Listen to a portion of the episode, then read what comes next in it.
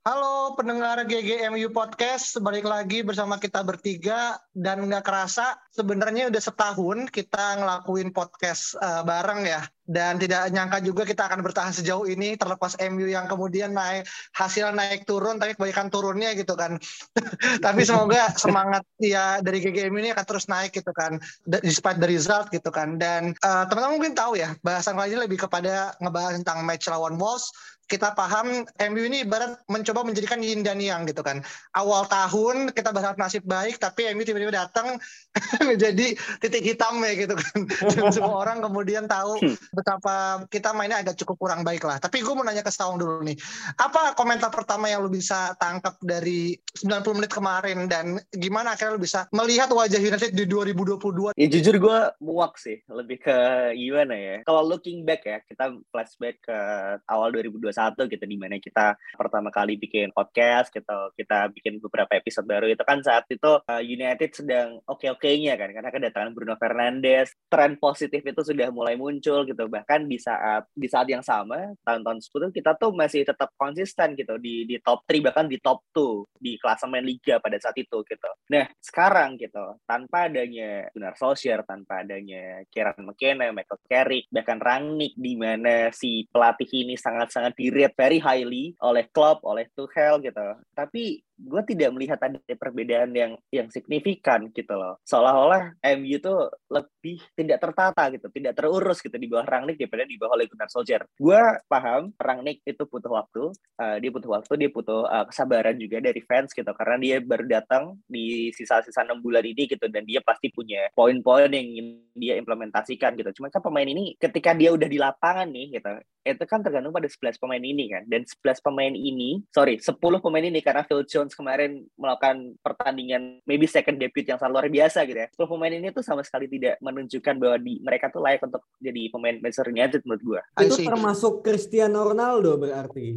Termasuk Cristiano Ronaldo men gitu. Sangat-sangat disayangkan memang gitu. Cuman selama 90 menit gue nonton United gitu itu sangat menyedihkan sih. Apalagi ketika lo di malam sebelumnya lo nonton match Liverpool lawan Chelsea gitu yang sangat-sangat seru gitu kan. Sangat-sangat menyenangkan untuk untuk dilihat gitu bahkan sebagai fans netral gitu kan. Dan gue yakin fans Chelsea maupun fans Liverpool juga sangat enjoy gitu untuk untuk menikmati permainan tersebut gitu. Walaupun memang hasilnya imbang gitu. Nah ini menyenangkan untuk ditonton aja enggak men? Jadinya mau apa gitu? Mau mau gimana? Gue udah gue udah gak ngerti lagi sih. Iya iya. I see. Nah ini mungkin uh, nada-nada kekesalan nih ini ya keluar ya dari cara Saung kemudian bercerita bahkan harus membandingkan dengan main sebelah menurut gue ini sebuah uh, puncak kekecewaan gitu kan. Dari gimana kita kemudian berharap MU bisa bermain lepas ya lepas sih gitu kan tapi lepas kontrol dan akhirnya bisa kalah gitu kan. Tapi ada tapi sebelum gue mencoba memperdalam uh, kesedihan kita gitu kan ada kabar baik sebenarnya uh, sekilas gitu kan. Kalau Paul Pogba ternyata per hari ini itu udah balik uh, latihan secara terpisah di Carrington. Jadi kalau buat orang-orang yang kemudian merindukan ada sentuhan-sentuhan Pogba lagi kita bisa berharap mungkin di akhir bulan dia bisa balik gitu kan. Dan tapi balik kepada matchnya Wolves lagi gitu kan. 708 hari since Phil Jones apa namanya bisa dibilang hibernasi gitu loh Vin. Akhirnya dia balik gitu kan.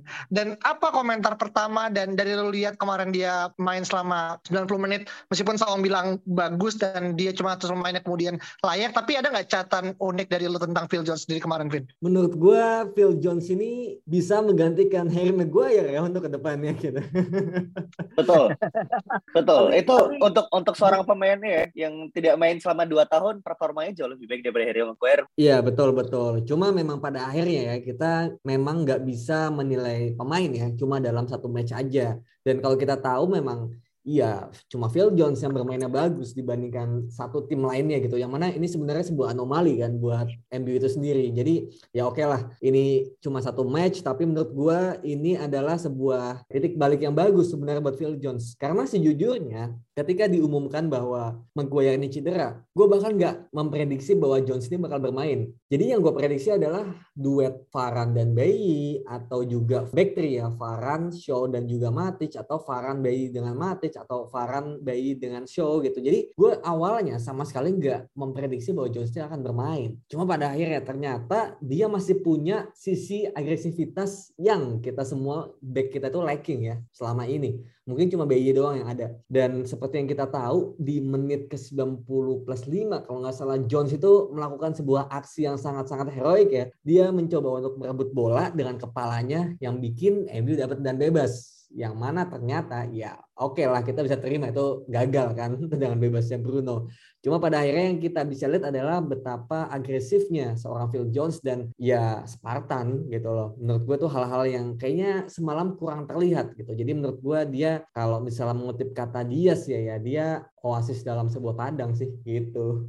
Dan lu bisa bayangin gak sih kalau misalkan back three-nya MU itu Jones, Rojo, dan juga Bailey gitu kan. Itu gue yakin bola bisa masuk kaki, masuk rumah sakit gitu. nah itu menarik menarik ya sebenarnya gitu. Menurut gue ya pada saat pemain-pemain tersebut main di United gitu Bailey, Rojo dan Jones gitu di masa Mourinho gitu let's say ya. Mereka tuh main beneran main men. Ngerti nggak yang maksud gue? Jadi mereka tuh main emang bener for the patch gitu loh. Kalau gue gue bisa compare ya dengan apa yang kita lihat semalam gitu. Jadi apa pun yang apa pun yang Mourinho minta, walaupun kadang nggak jelas gitu, mereka tetap main sesuai sesuai yang dia minta gitu loh. Dan itu kan yang yang memang seharusnya seperti itu kan. Makanya Mourinho bisa bilang pada saat itu pencapaian terbaik gue ya dapat posisi dua dengan squad United yang gue punya sekarang gitu. Karena kalau misalkan kita compare sama sekarang, itu make sense banget men. Gue bahkan bisa, bisa bilang oleh Gunnar Solskjaer tuh pada dua musim terakhir ini dia tuh overachieve man menurut gue. Hmm, oke okay, oke okay, oke. Okay. Ini menarik ya karena bahasannya melebar ke mana-mana gitu kan dan gue takutnya ini jadi spesial apa episode Phil Jones gitu kan. Eh.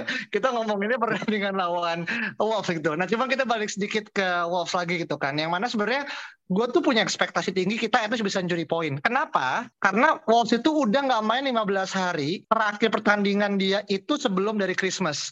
Dan lu bisa membayangkan pemain tim gitu kan eh, dengan dia yang udah dua minggu absen main gitu kan. Terus kemudian main lagi ngelawan MU yang notabene udah dua kali main uh, sebelum dari apa nih sebelum tahun baru berganti. Kita harus kalah gitu kan. Dan menurut gue kalahnya bukannya sekedar skor skor di atas kertas, tapi di lapangan pun kita semua bisa ngelihat gitu kan betapa papayahnya gitu kan. Holem apa namanya uh, permainan MU gitu kan. Yang akhirnya menjadi menyuti perhatian gue dan gue mulai ke Alf uh, ke Saung adalah ada satu momen yang gue ngerasa apakah kemarahan fans ini udah udah mulai masuk menyerang uh, apa namanya our interim gitu kan. Karena ketika Mason Greenwood ditarik gitu kan dan digantikan sama Bruno Fernandes sempet ada bu yang itu ditujukan kepada keputusannya Rahnik gitu. Nah ini lu ngelihatnya emang karena kenapa akhirnya memilih Greenwood tarik gitu kan? Apakah ini pure emang bener sistem atau memang ego dari ya kayak tahu lah ya Ronaldo dan juga Cavani yang kalau ditarik di tengah jalan ya kayak tahu mungkin ada kecans mungkin akan sedikit mengganggu stabilitas gimana Om? Iya, gue jujur cukup kaget sih pada saat uh, Greenwood ditarik ya karena performance yang dia berikan itu dia cukup cukup baik gitu actually gitu selama selama sepanjang dia permainan gitu ya. Cuman pada saat komentator bilang dia katanya kena knock gitu ya di di, di lutut, gue gue gue cukup understandable lah. Mungkin Rangnick memang narik Greenwood untuk menjaga itu gitu. Cuman ketika gue baca-baca di Twitter lagi setelah itu banyak orang mempertanyakan hal yang sama juga gitu. Jadi gue juga cukup ya cukup bingung juga sih kenapa Rangnick tidak berani untuk menarik menarik keluar let's say Cavani gitu ya karena memang dia tidak bermain dengan cukup oke okay, gitu. Bahkan ada satu peluang yang di mana dia harusnya passing Greenwood tapi malah dia shoot sendiri. Itu kan cukup aneh gitu. Kalau Ronaldo gue rasa karena dia nggak dapet support dari pemain yang yang lain sih menurut gue main gitu. Jadi harusnya sih ke Cavani yang keluar instead of Greenwood ya. Hmm, iya iya iya. Dan sampai dengan sekarang pun juga masih di perdebatan di Twitter pun orang mulai mempertanyakan gitu kan. Kayak jangan sampai ada bias-bias internal lagi nih kan. Kayak ada oleh favoritism gitu kan. Dan mungkin jangan sampai adanya siapa namanya Rahni favoritism gitu itu kita nggak pengen dapat juga karena kita udah enough dengan pemain yang sebenarnya nggak bagus-bagus banget tapi karena punya nama akhirnya melejit gitu kan secara di uh, starting eleven gitu. Nah tapi gue mau ngajak Alvin nih bahas masa statistik Vin. Dan menurut gue ini cukup uh, nggak uh, banyak orang bahas tapi gue nemu dari uh, Opta gitu kan. Dia tuh bilang bahwasanya kemarin di babak pertama MU itu mendapatkan atau kedapetan gitu kan 15 efforts on goal dengan empat itu shot on target yang mana statistik ini yang paling tinggi dialami oleh MU di di satu babak gitu kan. Setelah sebelumnya itu terjadi di 2003 2004 gitu. Yang mana menurut gue udah sangat jauh gitu. Nah, ini pure karena kemarin imbalance secara tim atau emang ada yang salah secara struktural dari dari dari 422 yang agak mirip dengan Al-Klamin itu, Vin? iya sih, menurut gue lebih ke yang kedua. Jadi emang formasi 4-2-2 ini memang pada akhirnya meninggalkan hole yang cukup besar di lini tengah. Apalagi kita tahu juga yang bermain adalah Nemanja Matic yang ya udah nggak bisa ngejar lagi. Kita lihat di babak kedua dia udah nggak bisa ngejar ada Traore dan akhirnya harus uh, melakukan tactical foul ya di dekat kotak penalti. Jadi memang ini adalah sebuah konsekuensi ketika lo memainkan 4-2-2-2 ya tengah lo kosong dan gue juga paham satu sisi kenapa Rangnick ya memainkan namanya Matic. Sesimpel karena Matic ini bisa mengalirkan bola dan punya ketenangan. Dan ya itu nggak ada di dalam diri Scott ataupun Fred. Dan ketika gue melihat uh, interviewnya Rangnick ya, beliau mengatakan bahwa di babak pertama mereka nggak mendapatkan sebuah kontrol dengan formasi 4-2-2-2 ini karena kalah di tengah di tengah itu ya mereka punya ada dua gelandang dan punya dua back sayap yang bisa jadi ya masuk di midfield gitu kan. Jadi punya praktis bisa punya tiga atau empat pemain lawan dua. Pada akhirnya itu membuat mereka bisa overload sisi tengah kita. Dan makanya di babak kedua Rangnick mengubah ke formasi tiga back yang bikin ya kita jadi lebih balance. Dan itu juga terbukti dari serangan Wolves yang jauh berkurang dan kita yang lebih memiliki kontrol. Sayangnya peluang terbesar kita yaitu Bruno Fernandes kena tiang dan ya udah akhirnya kita dihukum dengan satu kebobolan yang apa ya? Ya lagi-lagi gol-gol nggak penting lah menurut gue gitu gitu sih. Jadi menurut gua 4-2-2-2 ini bukannya jelek ya, tapi lebih kepada menurut gua ya, Rangnick harus fleksibel dengan gaya main dan formasi. Dan sebaiknya menurut gua ya, Rangnick harus menyesuaikan dengan kekuatan pemain di skuad terkini. Karena kalau emang dia memaksakan filosofinya, menurut gua agak berat bagi para pemain yang emang gak terbiasa pressing dan juga bermain dengan 4-2-2-2. Dan gua sama gua khawatir nih, Rangnick nanti nasibnya bakal mirip Van Hal yang mana pemain ini gagal memahami filosofinya dan juga gagal menguasai ruang ganti karena pemain gak nyaman gitu loh itu itu itu salah satu ketakutan gue dari awal sih bahwa Rangnick ini bakal jadi Van Hal 2.0. Gue gak gak setuju sih sama Alvin gitu karena memang seharusnya ketika pelatih datang gitu ya dia bawa filosofi baru gitu. Mengetahui bahwa pada sebelumnya manajer yang sebelumnya itu telah gagal gitu ya harusnya pemainnya memang ya harusnya mengikuti apa yang manajer baru ini inginkan gitu. Karena dia kan dipilih untuk sebuah alasan tertentu kan untuk suatu filosofi tertentu yang diyakini oleh para board itu cocok dengan pemain yang ada di sini gitu kan. Jadi kalau alasannya iya nanti misalkan pemainnya nggak bisa adaptasi nih, it, it doesn't make any sense at all sih man, menurut gua gitu.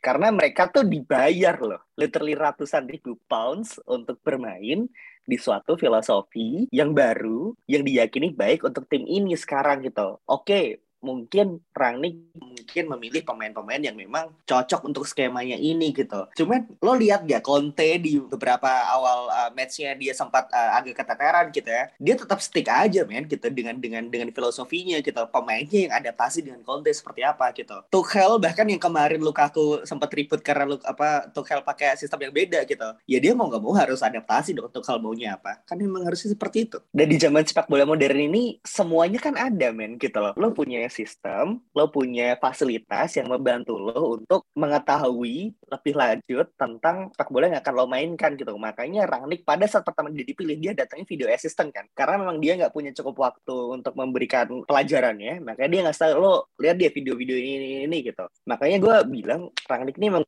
waktu gitu. Cuman kan ketika sudah sampai di atas lapangan, ya pemain harus harus memberikan apa yang mereka mereka punya gitu loh. Iya iya benar sih maksudnya gini, gue bukan pada akhirnya membela pemain ya dan pada akhirnya gue memilih untuk pelatih ini harus menyesuaikan. Tapi yang gue lihat adalah untuk saat ini gitu, yang Ranik ini masuk sebagai interim ya dan juga masuk di pertengahan musim dan juga melihat para pemain yang sepertinya emang nggak terbiasa hampir satu tim loh gitu bukan beberapa pemain aja hampir satu tim itu nggak terbiasa bermain dengan sebuah sistem yang jelas. Pada akhirnya shortcutnya adalah ya udah memainkan formasi yang mereka biasa mainkan gitu. Jadi kayak gini, lu nggak bisa langsung mainin filosofi lu tapi pelan-pelan. Lu maunya gimana? Kayak pemain-pemain ini cocoknya gimana? Ya udah mainkan itu dulu gitu. Nanti ketika ketika itu sudah mulai dipahami, nanti mulailah lu masukin filosofinya 4-2-2-2 atau main dengan fluid formasi 3 back kayak gitu sih menurut gua gitu. I mean kalau lu memaksakan 4-2-2-2 dengan pressing, apalagi dengan style yang beda juga ya, nggak cuma formasi, style yang beda juga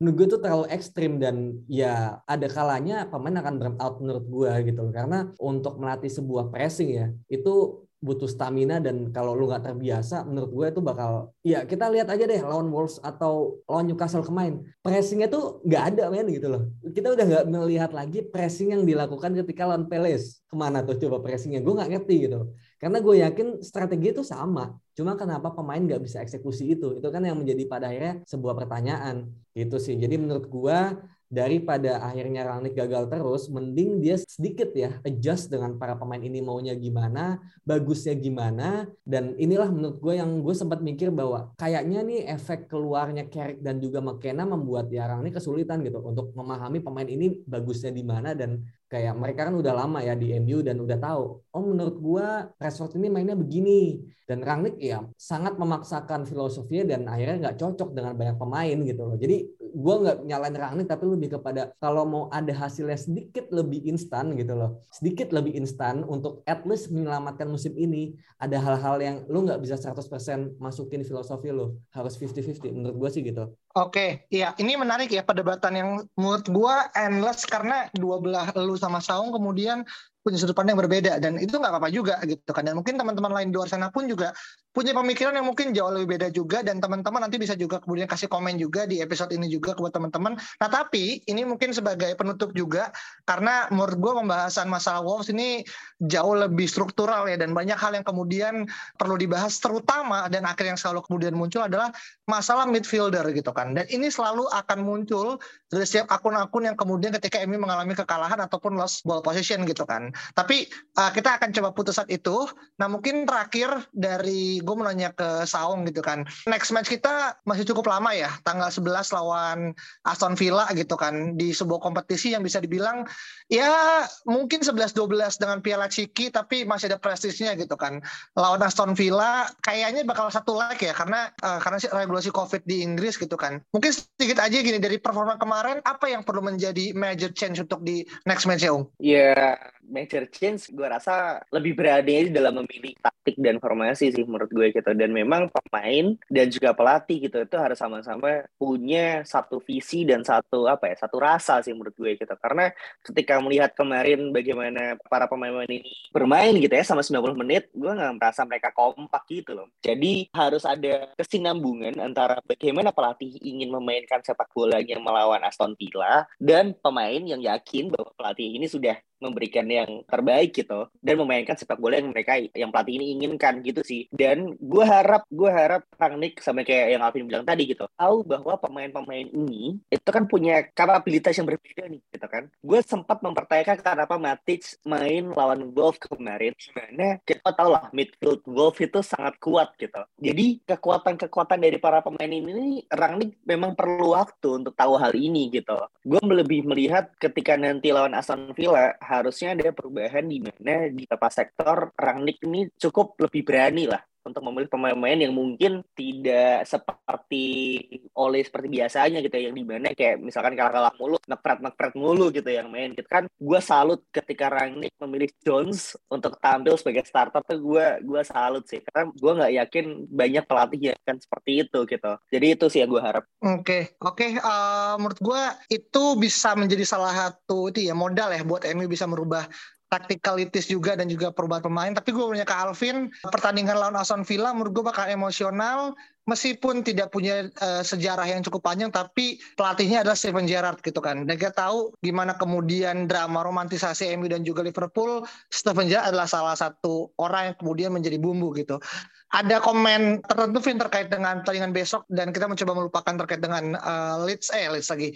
Wolves untuk terakhir. Uh, menurut gua ini adalah kesempatan untuk balas dendam ya Aston Villa. Karena mereka udah tidak memainkan banyak Tuan JB yang yang akhirnya harus di loan lagi gitu ke Napoli gitu. Jadi kayaknya gue punya sentimen pribadi nih ke Aston Villa terutama dan juga dengan Gerard juga ya kayak pada akhirnya kemarin mungkin agak seru ya kalau kita sempat menyaksikan oleh versus Steven Gerrard di musim lalu gitu. Cuma sayangnya itu tidak terjadi. Dan menurut gue itu akan menjadi sedikit intrik gitu karena pada akhirnya Gerrard akan kembali ke Old Trafford bukan sebagai pemain tapi sebagai pelatih. Jadi menurut gue bakal banyak bu dan banyak juga mungkin chance-chance yang agak berbau rivalitas ya dan dan itu menarik untuk disaksikan bersama sih. Oke, dan kita tunggu ya tanggal 11 Januari gitu kan pertandingan Aston Villa karena menurut gua kalau misalkan MU harus tersingkir lagi gitu kan dari FA, FA Cup, uh, gua agak cukup pesimis kita benar-benar totally lost dan juga nggak nggak bisa menang apa pun gitu karena kita masih di Liga Champion gitu. Dan itu aja pembahasan terkait dengan review tentang Wolves dan kita nggak lupa buat teman-teman yang udah mendengarkan GG sejak lama, kita minta tolong misalkan teman-teman berkenan untuk ngasih rating untuk podcast podcast kita gitu kan. Kasih masukan juga kasih komentar juga ketika nanti kita kemudian ngepost di Twitter juga supaya teman-teman juga kemudian tahu nih kita tuh membahas apa sih ke depannya gitu kan. Itu aja terkait pembahasan GG podcast episode mencak-mencak uh, lawan Wolves gitu kan. Sampai jumpa lagi pertemuan berikutnya dan bye bye